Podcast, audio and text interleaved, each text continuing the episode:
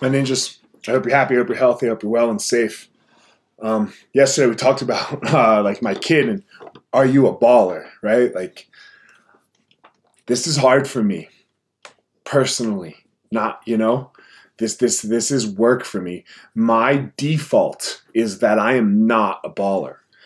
I have to be very very careful, conscious, and skillful of the words that I say to myself when it starts to go or when, when something bad can start to happen. I, I can go the other way of uh, Elliot.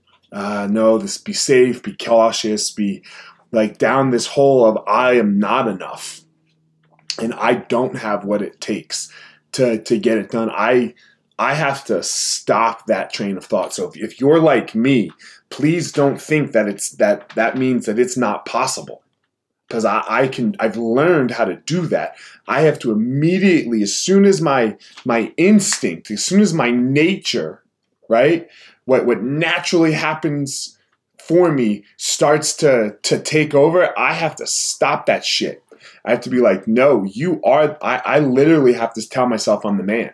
I, I can literally remember um, I had just lost two matches in a row when I when I just came back to competing um, after my MMA career.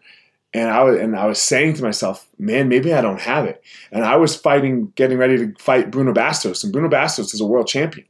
Um, I'd never beaten a world champion before, and I was like, oh, man, maybe you just don't have it anymore. And this was the thought going through my head, and I was like, how am I going to win? Thinking like that, And I had to be like, no, Elliot, you're a goddamn beast. And I, I, had to repeat that shit out loud. People were looking at me like I was crazy because I was talking to myself. And yeah, you're right. You heard me. I was talking to myself because I had to convince me, and it took some work. I had to work at it. So, yes, I talk to myself. We all talk to ourselves. Those words that you say to yourself, they're extremely important. So, I'm going to ask you again are you a goddamn baller? Find your power. What's up, guys? Elliot here. Um, before we get started, I have started a Patreon account. Patreon is a place where you can go to help support the podcast. Uh, I would greatly appreciate it if you are finding useful. I have one tier right now um, for the first 50 people. You will get all of the short hitters, all of the little inspirationals on Tuesday, Wednesday, Thursday. They're going to move behind the Patreon, so you, you'll have to subscribe to get them and then also a monthly Ask Me Anything and a recipe and a jiu-jitsu technique uh, will all come directly to you.